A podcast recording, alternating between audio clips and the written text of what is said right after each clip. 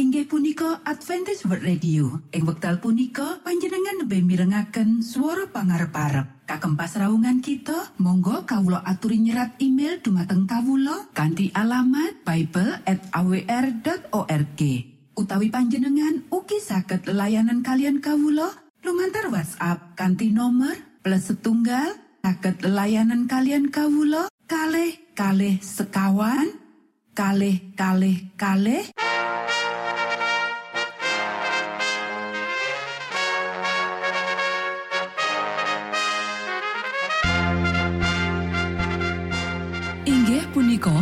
Adventis World Radio ingkang giaran kanti basa Jawi.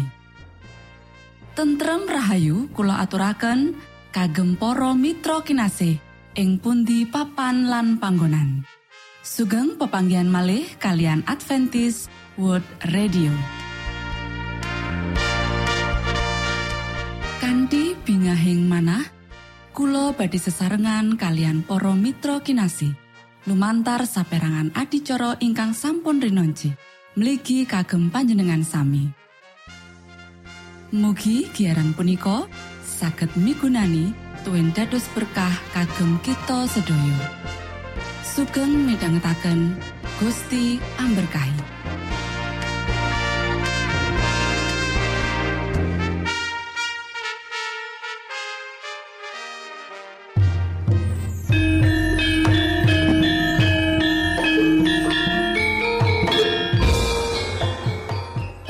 Para pamirsa kinasih ing Gusti Yesus Kristus.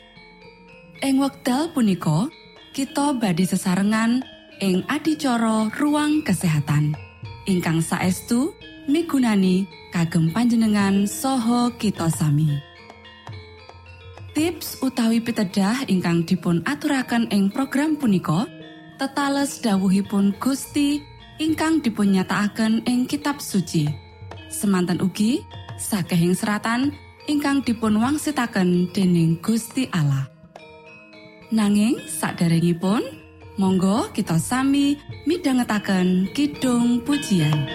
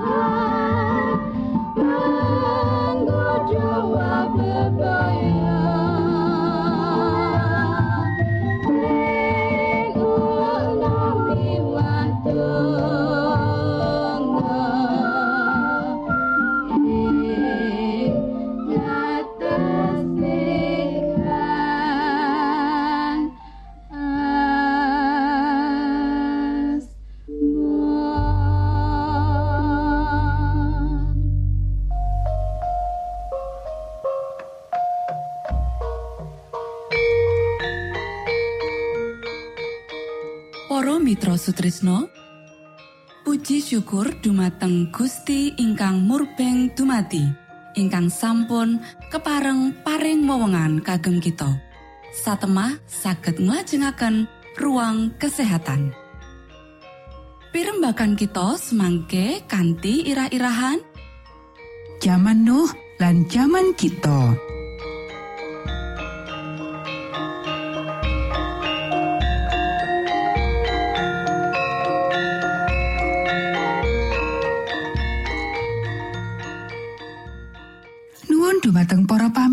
Ingkang dahat kinormatan sugeng pepanggian malih kalian kula Isti Kurnaidi ing adicara ruang kesehatan ing dinten punika kanthi irah-irahan zaman Nuh lan zaman kita para sedherek ingkang kinasih sawetara lenggah ing sandure Bukit Saitun Gusti Yesus paring pitutuh marang para murid ngenani tondo-tondo sing disii karawani. Sabab kaya dene nalika jamane Nabi Nuh, iya mangkono besok bakal rawe putraning manungsa. Marga padha kaya dek jaman sadurunge banjir patopan, wong-wong padha mangan lan ngombe, omah-omah lan ngomah-omahake, nganti dina anggone Nabi Nuh lumebet ing prau. Lan padha orang lekewo nganti tekane banjir kang nyirnakake wong-wong mau kabeh. Mangkono uga besok ing dina rawe putraning manungsa. Para sederek, dosa sing padha sing wis nggawa pangadilan marang jagat ing jaman Nuh, dosa sing padha uga ana ing jaman kita. Saiki manungsa nggawa pakulinan mangan lan ngombe mangkono atoh kanthi anjok marang kamurkan lan kamenteman. Dosa sing ngombro-ombro iki ya iku dosa pemanjaan selera sing salah. Wis ngobong nepsu daging menungso ing jaman Nuh lan wis nggawa kebosokan sing nyebar. Pangan yoyo lan dosa wis tekan menyang swarga. Rereget moralitas iki akhirnya disapu saka lumaing jagat nganggo banjir bandang. Dosa kamurkan lan kementeman sing padha nglempohake kepekaane moral penduduk Sodom. Nganti piolo katone dadi kesenengan ing kutha sing jahat iku. Banjur Gusti Yesus maringi piweling marang donya. Uga kaya kang kelakon nalika jamane Lut, wong-wong padha mangan lan ngombe, padha dol tinuku, padha nenandur lan padha yeyoso.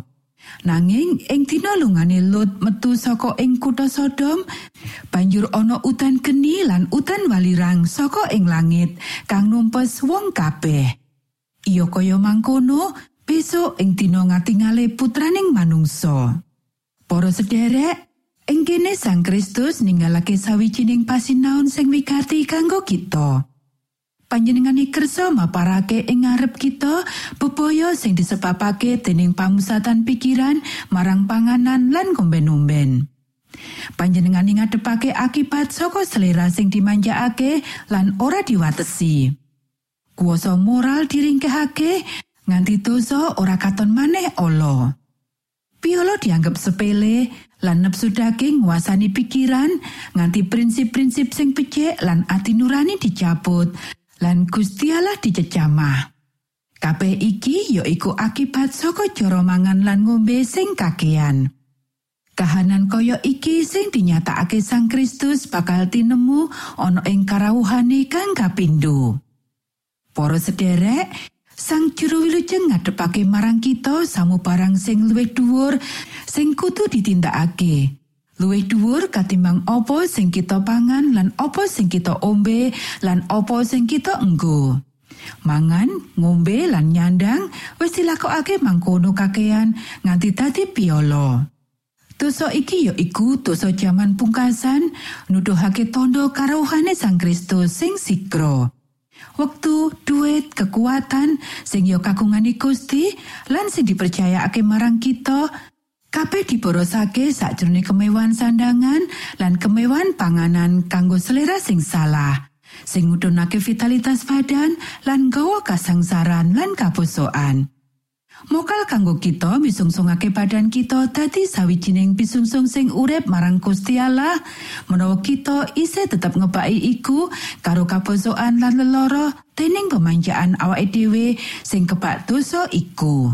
Para sederek, salah sawiji pacoban sing paling abot sing kudu diadepi manungsa ya iku masalah selera. Ing wiwitan Gusti Allah nitahake manungsa sakjroning kahanan sampurno. Banjur manungsa tuwa sansaya manjakake diri nganti kesehatan wis dikorbanake ing sandure mesbah selera. Penduduk donya sadurunge banjir bandang ora tarak sakjroning bab mangan lan ngombe. Wong-wong ngandrungi panganan daging, senadyan ing wektu iku Gusti Allah ora maringi itipalilah kanggo mangan panganan daging. Wong-wong mangan lan ngombe nganti pembanjaan nepsu daging ora kenal wates. Dheweke dadi jahat nganti Gusti Allah ora bisa nahanake dheweke malih. Tuwung piala wis kebak lan panjenengane ngresiki bumi iki nganggo banjir pandang saka kabeh rereget moral. Matur nuwun, Gusti amberkahi.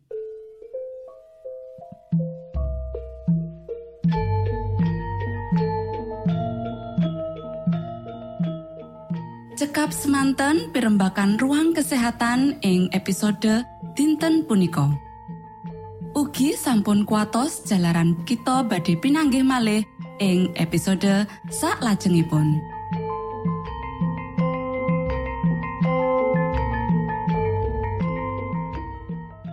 Inggih punika adicara ruang kesehatan. Menawi panjenengan gadah pitakenan utawi ngersakaken katrangan ingkang langkung, Monggo Kulo aturi. Kinton email dateng alamat ejcawr@ gmail.com utawi lumantar WhatsApp kanti nomor 025 pitu 00 songo songo papat 00 pitu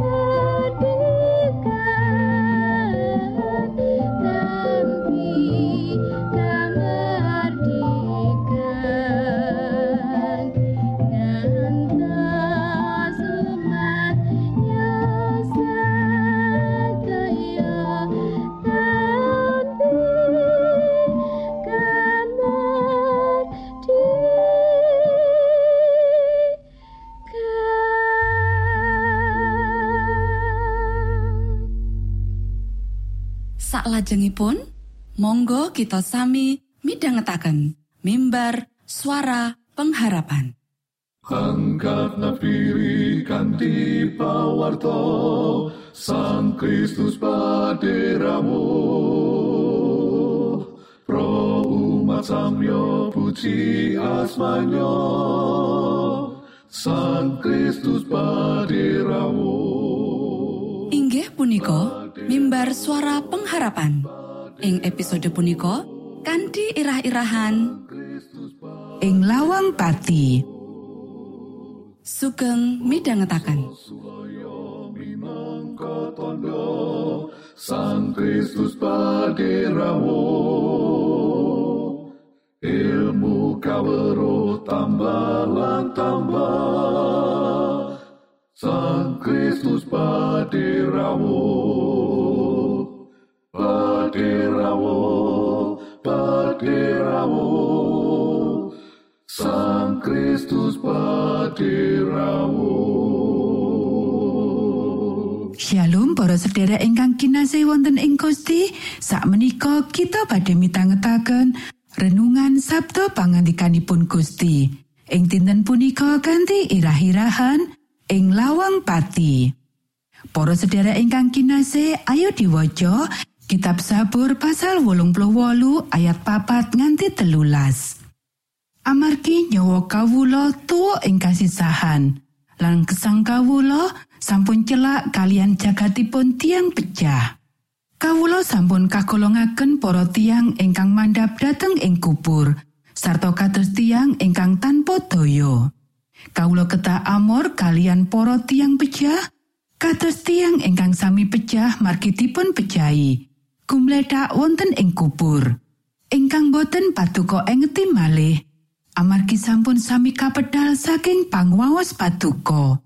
Kawula sampun paduka selehaken wonten ing luangan kubur ingkang ngandhap piyambak ing salebeting pepeteng ing papan ingkang lebet. Kawula kapethek dening bentaring bebendu paduka. Sampun kepiyukan ing muncrating alun paduka sadaya. Pitepangan kawula sadaya sampun sami paduka tepihaken saking kawula. Kawula sampun paduka damel pangewan-ewan kangge tiang-tiang wau. Kawula ginungkung boten saged medal. Mripat kawula ngerong margi nandhang kasangsaran. Duh Yahwa, kawula sampun sesambat dumateng paduka ing satinten muput, sarta sampun ngatungaken tangan kawula dumateng paduka. Paduka punapa badhe nindakaken kaeloan kangge tiang ingkang sami pecah? Arwah punapa badhe tangi saha ngunjukaken panuwun dumateng paduka? Se kadarman paduka punapa saged kacariosaken wonten ing kubur tuen kasetyan paduka wonten ing paleburan? Kaeloan-kaeloan paduka punapa saged kasumrepan wonten ing palimengan? Tuen keadilan paduka wonten ing nagaripun sadaya kekilapan? Para sedherek ingkang kinasih, Pantungo kanggo kaslametan saka leloro lan pati iki nuduhake menawa para putrani Gusti ora luput saka kasangsaran ing jagat iki. Kitab Syabur nyeritakake kasangsarane juru Mazmur sing ngegirisi. Wus tanpa toya, alum kaya suket, ora bisa mangan, kapisahake karo wong mati, gumletak kadipecah ing kubur, nista kanggo kancane, sengsara lan semplah. balunge nempel ing kulite. Akeh Mazmur nganggep menawa Gusti Allah paring palilah perkara kuwi amarga ora bangun miturute bangsa Israel. Juru Mazmur ngakoni menawa dosa bisa nggawa leloro. Mula piyambake njurungi marang pangapura sadurunge kasarasan. Sabur pasal petang siji ayat papat lan limo. Nanging sawetara sabur kaya sabur pasal wolung wolu lan pasal satu loro ngakoni menawa kasangsaran dudu amarga dosa ing dirine umat Gusti Allah kuwi kasunyatan urip senajan angel dimangerteni ing sabur pasal wolung wolu Gusti Allah kata wong nggawa juru Mazmur ing jurang pati ayat 6 nganti wolu Ayo dikatekake Sanadyan nalika pasambate kang paling wani kaucapake, pangado kasebut cedha minangka tumindak iman. Amarga menawa Gusti Allah ing panguasane marangake prakara kasebut kadadian, mula panjenengane bisa mulihake karaharjan para putrane. Ing lawangi kubur sang juru Mazmur ngelingi kaelokane Gusti Allah, sih katarmane, kasetiane, lan kabenerane.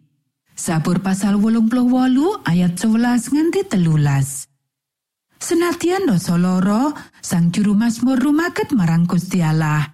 Nandang sangsara, ora nyilai se katresnane Gusti Allah lan mangerteni menawa Gusti Allah iku siji-sijine kaslametane. Iku nuduhake menawa juru Mazmur mangerteni ora mung kasangsaran nanging uga duwe kawruh sing akrab bab sih rahmati Gusti Allah lan loro-lorone ora kudu lelawanan siji karo liyane. Para sedherek ingkang kinasih, cekak aose paring palilai Gusti Allah kanggo kasangsaran lan pangluarane nuduhake kadaulatan Gusti ingkang paling utama. Ngerti menawa Gusti Allah sing ngatur gawa pangarep-arep. Nalika kita nyemak lan maca kitab sabur pasal wolung puluh wolu sakjroning pepadang kasangsaran sang Kristus, kita kairami-ramake dening telengi sih katresnane kang langkungi lawange pati kanggo para manungsa. Matur nuwun, Gusti amberkahi.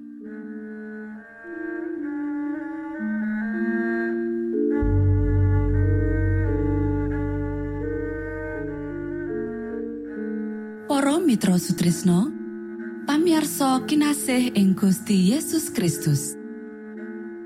Sampun pariporno pasamuan kita ing dinten punika. Menawi panjenengan gadah pitakenan utawi ngersaakan seri pelajaran Alkitab suara nubuatan Monggo Kulo aturi kinton email dateng alamat ejcawr at gmail.com utawi lumantar WhatsApp kanti nomor 025 pitu 00 songo songo papat 00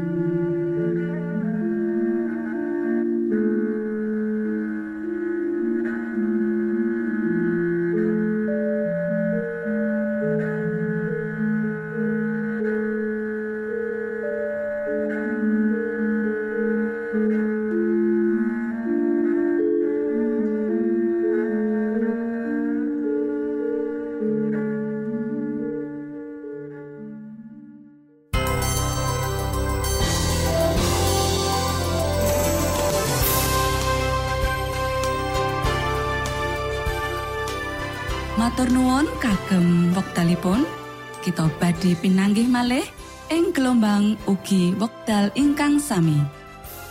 Saking studio kula ngaturaken tentrem rahayu. Gusti amberkahi kita sedaya. Maranata.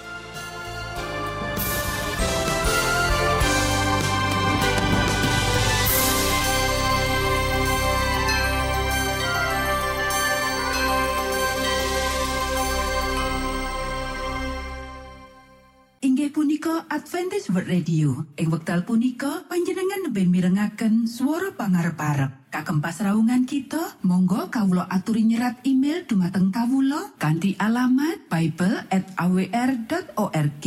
Utawi panjenengan ugi saged layanan kalian kawulo lumantar WhatsApp kanti nomor plus setunggal saged layanan kalian kawulo kalih kalih sekawan kalih kalih kalih